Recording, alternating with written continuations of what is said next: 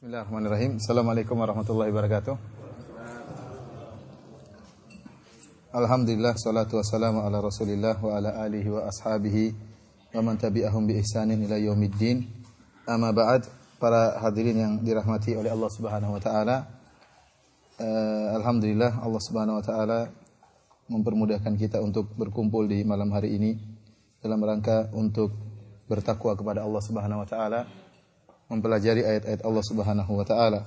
Dan insyaallah pada malam hari ini saya akan menyampaikan pengajian yang sangat singkat tentang uh, tafsir dari surat Al-Fil. Surat apa? Al-Fil, yaitu yang artinya uh, surat gajah ya, surat gajah. Uh, surat ini yang sering mengingatkan saya tentang pertanyaan yang pernah ditujukan kepada saya ya. Yaitu Ustadz saya punya anak uh, atau saya dalam istri saya dalam keadaan mengandung dalam keadaan hamil, maka bolehkah kita membaca surat Yusuf dengan niat agar anak yang akan lahir tampan seperti Nabi Yusuf alaihissalam? Ini adalah khurafat ya, tidak benar. Kalau kita baca surat Yusuf artinya kemudian anaknya menjadi apa? Tampan, cakap seperti Nabi Yusuf. Kalau bapaknya pesek, ibunya pesek ya tidak akan mancung anaknya. Akhirnya saya bilang, kalau ibu mau anaknya gemuk, maka baca surat Al-Fil. Artinya apa? Surat gajah. Jadi anaknya akan gemuk dan kuat ya. Kalau baca surat Yusuf jadi seperti Nabi itu, kalau ingin gemuk dan kuat baca surat Al-Fil. Adapun e, keistimewaan surat ini, saya tidak tahu ada hadis yang yang e, khusus menyebutkan tentang keistimewaan surat Al-Fil. Akan tapi dia adalah surat uh, Makkiyah yang menyebutkan tentang anugerah Allah Subhanahu wa taala di mana Allah membela Ka'bahnya padahal orang-orang kafir Quraisy lari meninggalkan Ka'bah. Tidak ada yang menolong Ka'bahnya kecuali Allah Subhanahu wa taala. Allah Subhanahu wa taala berfirman di awal surat, "Alam taro kaifa fa'ala rabbuka bi ashabil fil?"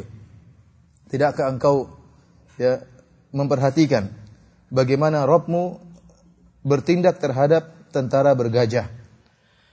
Al-Hafidh Ibnu Katsir rahimahullah di awal tafsir surat ini menjelaskan tentang kisah penyerangan tentara bergajah yang dipimpin oleh Abraha kepada yang ingin menghancurkan Ka'bah. Disebutkan bahwa uh, Dhunuwas adalah raja terakhir dari kabilah Himyar yang ada di Yaman, yang dia seorang musyrik. Dia ini kata Ibnu Katsir, dialah yang membuat yang membunuh ya uh, membunuh uh, Ashabul Ukhdud. Dia yang membunuh orang-orang kaum mukminin sekitar 20 ribu orang kaum mukminin kaum mukminat yang dibakar digali parit kemudian dibakar hidup-hidup ya sebagaimana Allah sebutkan dalam uh, surat apa? Surat Ukhdud ya. Ya, dalam surat Ukhdud ya. Innal ladzina fatanul mu'minina wal mu'minati tsumma lam yatubu falahum adzabu jahannam wa lahum harik. Yang membunuh rajanya dia namanya Dzunuwas kata Al-Hafidz Ibnu Katsir rahimahullah. Dan yang terbunuh adalah orang-orang Nasrani orang-orang Nasrani sebelum datangnya Nabi Muhammad SAW. Terbunuhlah mereka semuanya. Tinggal satu yang lolos, namanya Daus Zu Sa'laban. Daus Zu Sa'laban ini, dia pun kabur, selamat dan dia pergi mengadu ke Raja Syam, Kaisar di negeri Syam dan Kaisar beragama Nasrani. Maka Kaisar pun me me memerintahkan Raja Najasyi ya karena Najasyi uh, apa namanya Ethiopia dekat dengan Mekah maka dia perintahkan agar Raja Najasyi uh, dekat dengan Yaman menyerang Zu Nuwas. Akhirnya Raja Najasyi mengirimkan dua orang anak buahnya. Satu namanya Abraha, satu namanya Aryab. Maka dua orang ini sama-sama amir, dua-dua punya pasukan masing-masing, berjalan menuju ke Zunuwas. Akhirnya Zunuwas pun diserang dan akhirnya dia pun lari, tenggelam tewas. Setelah itu Yaman dipegang oleh dua orang ini, Abraha dan siapa? E, Aryab. Tidak lama kemudian terjadi pertikaian antara keduanya. Akhirnya mereka bersepakat daripada masing-masing kita, pasukan kita masing-masing bertempur, kita saja yang bertempur. Saya dan kau, wahai Abraha. Siapa yang menang maka dia jadi pemimpin. Akhirnya bertempurlah mereka berdua. Walhasil akhirnya Aryat pun meninggal. Jadilah Abraha yang menjadi pemimpin. Semua pasukan bergabung sama dia. Akhirnya dilaporkan hal ini kepada Kaisar di negeri Syam. Bahwasanya Abraha telah melakukan pembunuhan terhadap Aryat. Akhirnya Kaisar pun marah dan murka. Akhirnya Abraha dalam rangka dan dia mengatakan saya akan menginjak e, negeri Yaman dan saya akan mencabut rambutnya Abraha. Akhirnya untuk mencari keridhaan uh, sang raja, maka Abraha pun mengirim hadiah yang begitu banyak. Di antaranya dia bawa jirob seperti gentong yang isinya tanah Yaman dan dia mencukur rambutnya. Kemudian dia sampaikan bahwasanya hadhihi nasiyati inilah apa namanya ubun-ubunku saya berikan kepada engkau dan inilah tanah Yaman silakan kau injak. Artinya dan saya ingin mencari keridhaanmu. Perbuatan Abraha ini membuat Kaisar pun senang. Kemudian Abraha pun berjanjikan kepada Kaisar, saya akan bangunkan sebuah gereja yang sangat besar, ya, yang akan memalingkan bangsa Arab dari Ka'bah menuju ke gereja tersebut. Gereja tersebut namanya Kulais. Kata para ulama diambil dari kalimat kolan suah, yang artinya apa? Songkok. Artinya apa? Saking tingginya gereja tersebut, kalau ada orang yang lihat puncak gereja, songkoknya akan jatuh. Songkoknya akan jatuh dan ini menunjukkan tingginya gereja gereja tersebut. Maka Abraha pun membangun gereja yang besar tersebut. Akhirnya terbangunlah gereja tersebut, gereja yang sangat tinggi. Berita bahwasanya Abraha ingin memalingkan orang-orang Arab ke negeri Yaman agar tidak ke Ka'bah tapi ke gereja tersebut diketahui oleh orang-orang Arab tatkala itu, orang-orang Hijaz. Maka mereka pun jengkel ini kurang ajar Abraha.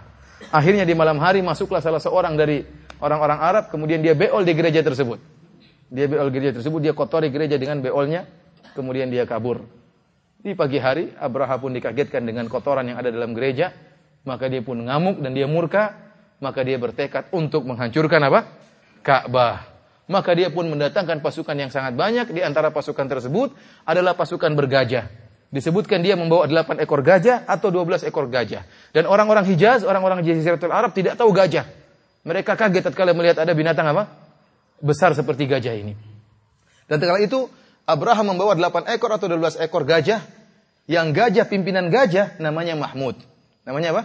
Mahmud. Ada yang namanya Mahmud sini? namanya Mahmud. Disebutkan oleh Habib Katsir dan yang lainnya bahwasanya pimpinan gajah namanya siapa? Mahmud. Kenapa dia bawa 12 ekor gajah? Dia punya niat buruk. Dia membawa rantai yang banyak. Jadi dia ingin gajah tersebut nanti mengelilingi Ka'bah dan Ka'bahnya dicungkil, bukan dipecahin satu-satu. Tapi gajah-gajah tersebut bersatu padu untuk mencungkil apa? Ka'bah. Itu niat buruknya siapa? Abraha. Maka berjalanlah dia dengan 12 pasukan bergajah yang dipimpin oleh Mahmud. Kemudian melewati Jazirah Arab. Dan ada sebagian kabilah-kabilah kecil ingin menghalangi namun semuanya hancur. Tidak ada yang bisa menghalangi pasukan bergajahnya Abraha. Sampai akhirnya Abraha di tengah perjalanan kalau tidak salah namanya Mughammas kalau nggak salah ya. Bertemu dengan kakeknya Nabi Muhammad wasallam yaitu Abdul Muttalib. Abdul Muttalib 200 ekor ontanya diambil oleh Abraha. Maka datanglah Abdul Muttalib dan Abdul Muttalib seorang yang gagah, tampan, bersahaja, berwibawa. Oleh karena tatkala Abraha melihat Abdul Muttalib datang, dia pun tadinya duduk di singgah sana, dia duduk di bawah dalam rangka menghormati Abdul Muttalib. Dan dia menyangka Abdul Muttalib datang untuk membela Ka'bah. Ternyata Abdul Muttalib waktu datang dia mengatakan saya ingin onta-onta saya dikembalikan. Maka Abraham mengatakan, tadi saya menyangka kau demikian-demikian. Bagaimana kau datang untuk mengurus ontamu, sementara kau biarkan Ka'bah? Ya, tidak kau bela. Maka Abdul Muttalib mengatakan, Ana Rabbul Ibil, walil Ka'bah Rabbun Yahmiha. Saya adalah pemilik onta, kembalikan onta saya. Adapun Ka'bah, ada pemilik yang akan membelanya. Kata Abraha dengan sombongnya, dia tidak akan bisa membelanya. Kata Abdul Muttalib, anta wa sya'nak, itu urusanmu. Ya, urusanmu. Akhirnya Abraha pun semakin ngamuk, Abdul Muthalib pun pergi, maka dia pun bawa pasukannya, pasukan bergajahnya menuju ke Ka'bah. Tatkala mulai berjalanlah Mahmud dan teman-temannya, tiba-tiba si Mahmud diam, tidak bergerak. Tatkala Mahmudnya diam, semua anak buah juga apa? Diam. Gajah-gajah lain pun diam. Maka jika Mahmud diarahkan ke sebelah kiri, dia berjalan. Jika diarahkan sebelah kanan, dia berjalan. Kalau suruh mundur, malah cepat mundurnya. Tapi kalau ke arah Ka'bah, dia berhenti tidak mau. Bingung nih Abraha ini bagaimana disuruh ke depan nggak mau, suruh ke kanan jalan ke kiri jalan ke belakang lebih cepat untuk pulang. Nggak mau tatkala dia lagi sibuk mengurus mengurus gajah yang kebingungan tersebut, tiba-tiba Allah Subhanahu wa taala mengirimkan apa? Tayran ababil. Kata Allah Subhanahu wa taala, "Alam tara kaifa fa'ala rabbuka bi ashabil fil? Alam yaj'al kaidahum fi tadlil?"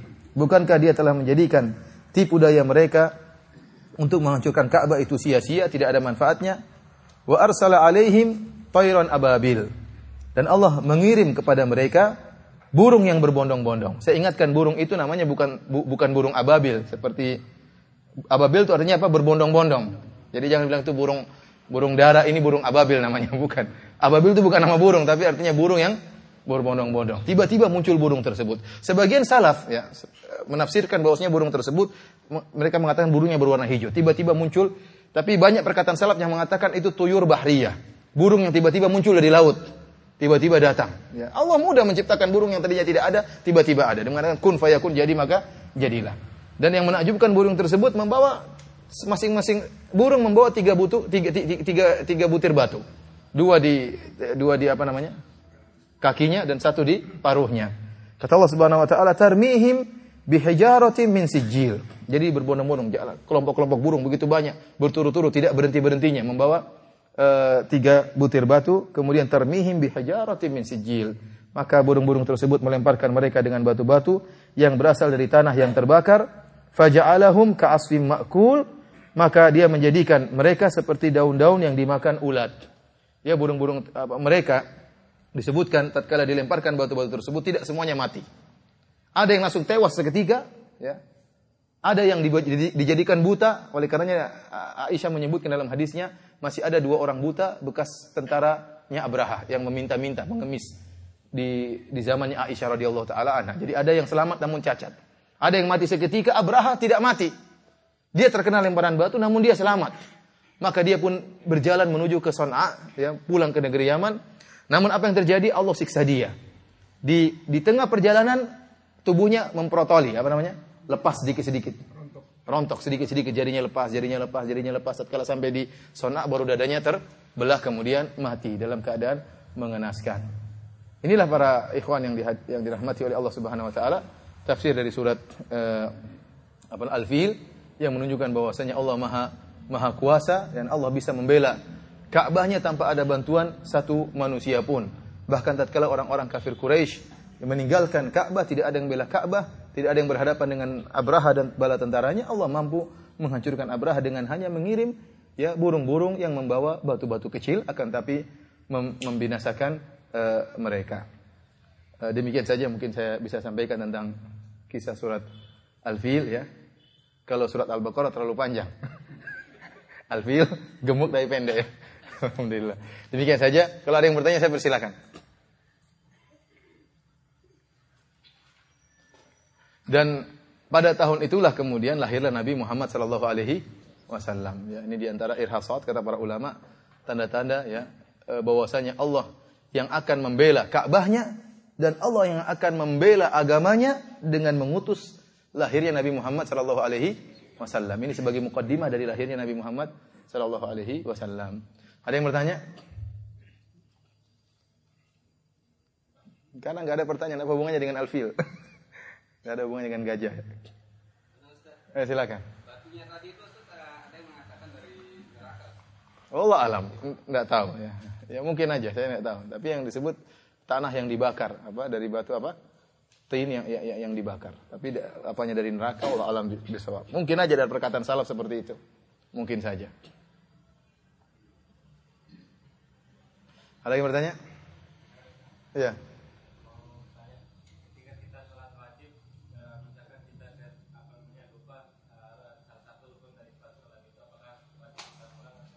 Rukunnya apa yang dilupakan? Tahiyatul awal bukan rukun, kewajiban. Contohnya apa? Contohnya lupa ruku. Contohnya apa yang yang dialami contohnya apa? Tahiyatul awal kalau dilupakan dia adalah kewajiban. Dia tidak dia bukan rukun. Barang siapa yang lupa tahiyatul awal, maka dia sujud sahwi. Dia sujud sahwi. Dan hukum sujud sahwi tersebut wajib karena meninggalkan apa? Kewajiban. Tapi kalau seandainya seorang lupa rukun, contohnya dia dia sujud harusnya sujud dua kali kan? Tapi dia baru sujud sekali langsung dia naik ke rakaat kedua. Ini berarti dia rukun, dia lupa rukun yang sujud kedua. Kalau dia ingat di tengah jalan, dia ingat di rakaat ketiga, padahal dia lupakan sujud kedua di rakaat pertama, maka dia harus kembali langsung ke yang tadi di mana dia lupakan. Karena semua yang dibangun di atas rukun yang hilang tadi semuanya batal, tidak tidak sah. Maka dia kembali kepada tempat yang dia lupa. Paham? Dia tadi lupa di sujud yang kedua, jadi dia Sujud langsung berdiri rakaat kedua. Harusnya kan sujud duduk di antara dua sujud. Baru sujud lagi baru berdiri. Begitu dia ingat saya tadi baru sujud satu kali maka dia langsung kembali kepada duduk di antara dua sujud. Paham? Karena yang dia baru lakukan baru sujud pertama. Setelah sujud pertama apa? Duduk di antara dua sujud. Baru sujud kedua, baru naik ke rakaat ke kedua. Meskipun dia ingat di rakaat keempat, kapan saja dia ingat maka dia kembali langsung ke uh, duduk di antara dua sujud, melanjutkan rukun yang tertinggal tadi. Kemudian dia sujud, sujud sahwi. Hah? Kembali ke satu tadi. Karena yang dibangun di atas rakaat di rukun yang hilang yang yang ada datang setelah dibangun di atas rukun yang hilang semuanya tidak sah. Semuanya tidak sah. Hilang semua. Yang kalau dia lupa di rakaat yang kedua berarti tinggal yang tiga empat buyar. Dia kembali langsung ke rakaat kedua. Karena duduk di antara dua sujud hukumnya rukun. Iya. Apa? Salat Salat tasbih ada khilaf di antara para ulama. Kalau kita baca pendapat Al-Hafidh Ibnu Katsir pun dia mutarib dalam hal ini. Terkadang dia menghasankan hadis tentang salat tasbih, terkadang dia mendhaifkan apa? hadis salat tasbih. Ya. Tetapi kebanyakan ulama seperti Lajnah Daimah menyatakan hadis ini lemah. Ini ada khilaf di antara para ulama tentang derajat hadis apa? Salat tasbih ini. Kenapa? Karena tidak diriwayatkan dari sahabat mengamalkan hadis ini. Padahal Nabi mengatakan kalau kau mampu setiap hari sholat, kalau tidak mampu tiap pekan atau tiap bulan, kalau tidak mampu tiap tahun, kalau nggak mampu sekali seumur hidup. Namun tidak direwayatkan ada sahabat yang melaksanakan sholat tasbih. Namun diriwayatkan dari sebagian salaf. Kalau tidak salah Ibnu Mubarak melaksanakan sholat tasbih. Dari sini ada khilaf di antara para ulama. Saya sendiri lebih condong kepada lemahnya hadis ini. Karena seluruh jalan dari hadis ini semuanya lemah. Akan tapi seperti Syekh Albani rahimahullah Demikian juga sebagian pendapat dari Al-Hafidh Ibnu Hajar ya, dalam Talkhisul Khabir, Khabir Ibnu Hajar melemahkan hadis ini. Namun dalam kitab yang lain dia menguatkan. Dia menguatkan hadis ini. Kenapa ditinjau dari banyak jalan? Yang ini lemah, yang ini lemah, yang ini lemah, yang ini lemah tatkala digabungkan menjadi hasan li ghairihi. Namun sebagian ulama mendhaifkan. Ibnu Taimiyah juga melemahkan apa namanya? hadis ini. Kenapa? Karena pertama setiap jalannya lemah. Yang kedua ditinjau dari isi sholat tasbih. Sholat tasbih kita disuruh menghitung. Setiap apa? 15 kali, terus berapa kali. Dan kita tahu orang yang menghitung begini menyibukkan. Padahal orang sholat butuh apa? Butuh konsentrasi untuk bukan konsentrasi hitungan, tapi konsentrasi apa yang dia baca. Wa aqimis sholata li. Kata Allah dirikanlah salat untuk mengingatku. Namun tatkala dia melakukan salat tasbih dia akan konsentrasi dengan hitungan, jangan sampai salah. 15 kali berapa kali berapa kemudian ruku lagi baca berapa berapa ini menyibukkan dia dari konsentrasi terhadap apa yang dia baca. Dari sini saya lebih condong bahwasanya salat sunat tasbih tidak ada sunnahnya. Tetapi kalau ada yang mengerjakan maka itu masalah khilafiyah. Tidak bisa kita ingkari. Tidak bisa kita ingkari karena sebagian ulama di antaranya Syekh Albani rahimahullah menyatakan sunnahnya salat tasbih. Nah, Adapun salat hajat, salat hajat ada hadis tentang salat hajat tapi hadisnya lemah.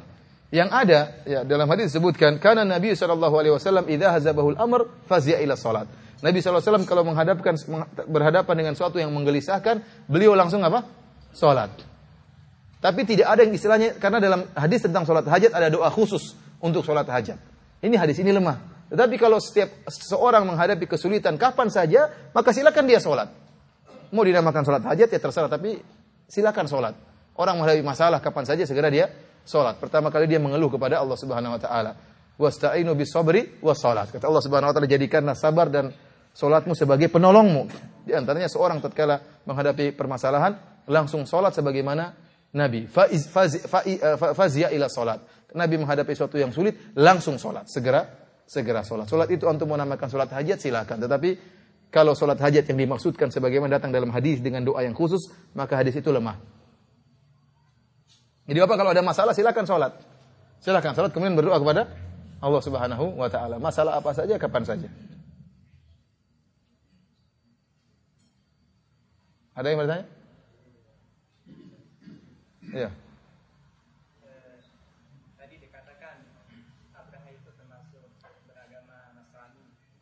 Iya. Dan waktu Abraha dengan pasukan meninggal, Nabi Muhammad belum diutus. Hmm. Apakah mereka Abraha dengan pasukannya itu eh, orang-orang mukmin artinya termasuk yang selamat biasanya? Allah alam ya, kita nggak tahu ya, itu urusan Allah Subhanahu wa taala. Tapi kalau Abraha jelas ingin hancurkan Ka'bah. Sudah disiksa di dunia sebelum di akhirat. Tapi orang-orang Nasrani yang lain seperti yang Kaisar, Allah alam kita nggak nggak tahu. Oleh karenanya tatkala disebut dalam hadis, tatkala uh, Abu Sufyan ketemu dengan Herakl, ya, Herakl, maka Herakl dia beragama Nasrani dan dia kemudian beriman kepada artinya dia membenarkan apa yang dikatakan oleh Abu Sufyan tentang Nabi Muhammad sallallahu alaihi wasallam. Namun tatkala dia kabarkan kepada rakyatnya, rakyatnya menolak. Maka dia pun tidak jadi masuk tidak jadi masuk Islam. Ya, Kalau seperti dia jelas sudah tegak hujah dan dia meninggal dalam keadaan kafir. Tetapi yang belum datang hujah maka mereka ahlul fatrah. Mereka ahlul fatrah. Itu urusan di akhirat antara mereka dengan Allah Subhanahu wa taala.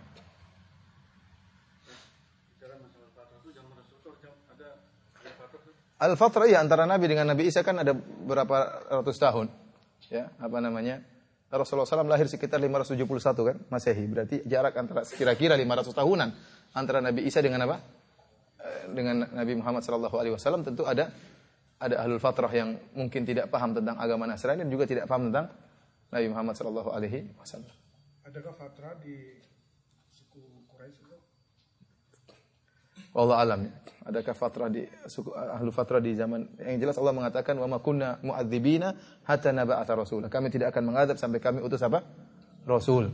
Tapi di zaman di zaman dahulu 100 tahun yang lalu sangat mungkin ada ahlul fatrah. Orang-orang di pedalaman Irian Jaya yang tidak pernah dengar tentang apa? Nabi Muhammad SAW. Mereka ahlul fatrah. Ya, mereka tidak tahu tentang agama yang benar.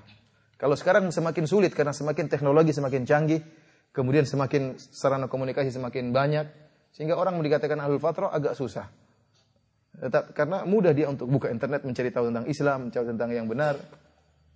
Tetapi seperti kata eh, eh, Nabi SAW, apa namanya? eh, yasma'u bi ahadun min hadhihi al-umma yahudiyan aw nasraniyan thumma yamutu wa lam yu'min billadhi ursiltu bihi illa kana min ahli nar. Tidak ada seorang pun dari umat ini, baik Yahudi atau Nasrani, yang mendengar tentang saya, kemudian tidak beriman dengan apa yang aku bawa, ya, kecuali dia penduduk masuk dalam keadaan menjadi penduduk neraka jahanam kalau meninggal dunia. Kata Syekh Albani rahimahullahu taala dan ini dinukil oleh Syekh Saleh Al-Syekh, dia mengatakan Syekh Albani mengatakan samaan sohaihan mendengar tentang Nabi dengan pendengaran yang benar. Kemudian dia tidak mau masuk Islam. Beda kalau dengar Islam teroris. Dia tidak mau masuk Islam, Islam teroris bunuh-bunuh orang. Akhirnya tidak masuk Islam, maka orang ini bisa jadi ada uzur. Ini urusan Allah Subhanahu wa taala. Tetapi kalau dia sudah dengar tentang Islam ada agama yang baik, mengharamkan khamar, mengharamkan zina, kemudian dia tidak mau, ya maka dia masuk neraka jahanam. Tapi untuk menilai satu persatu memang agak susah. Ya, karena eh, kita nggak tahu bagaimana hakikat dia. Makanya disebut ada namanya kafir i'rad. Di antara bentuk kekufuran namanya kafir al-i'rad. Dia berpaling, tidak mau belajar sama sekali. Berpalingnya dia bukan uzur bagi dia. Beda orang sudah mencari ternyata tidak menemukan. Dia mencari Islam ternyata dibuka teroris. Islam bunuh Islam. Ini bagaimana ini? Saya tidak mau punya agama seperti ini. Maka dia mundur. Orang ini mungkin punya uzur di hadapan Allah Subhanahu wa taala. Tapi ada orang modelnya yang dia tidak mau sama sekali. Tidak mau saya mau tahu Islam, saya mau hidup bebas. Orang bilang Islam baik, saya nggak mau tahu. Ah ini orang ini dia irat dan tidak punya uzur di hadapan Allah Subhanahu dia berpaling. Gimana? Demikian. Satu lagi aja, masya Allah. Jazakallah khair. Karena kan sering ikuti kajian langsung di radio, eh, di TV Roja, baik itu yang rekaman maupun yang langsung Ustaz. Iya, terus Nah, cuma kesa- eh, masalah anak gini kan, ketika anak sedang menyaksikan, eh, mendengarkan penjelasan langsung, karena ada keperluan, karena seakan-akan anak berhadapan langsung rasanya ketika anak di depan TV. Jadi Jadi ketika anak ada keperluan, anak matikan TV. Gitu. Ini perasaan anak sepertinya kurang beradab. Gitu. Ana maafkan, ana maafkan. Ana maafkan. Jadi jangan jangan khawatir, matikan saja enggak apa. Kalau daripada nggak nonton matikan hemat listrik. Ana maafkan. Kasih mati, kasih bunuh saja. Demikian saja. Alhamdulillah tadi dia katakan pertanyaan yang terakhir. Jazakallahu khairan. Eh, Semoga apa yang kita sampaikan bermanfaat dan semoga pertemuan kita diberkahi oleh Allah Subhanahu wa taala menjadi pemberat timbangan kebajikan kita di akhirat kelak. Demikian saja. Subhanakallah bihamdik asyhadu an la ilaha illa anta astaghfiruka. Assalamualaikum warahmatullahi wabarakatuh.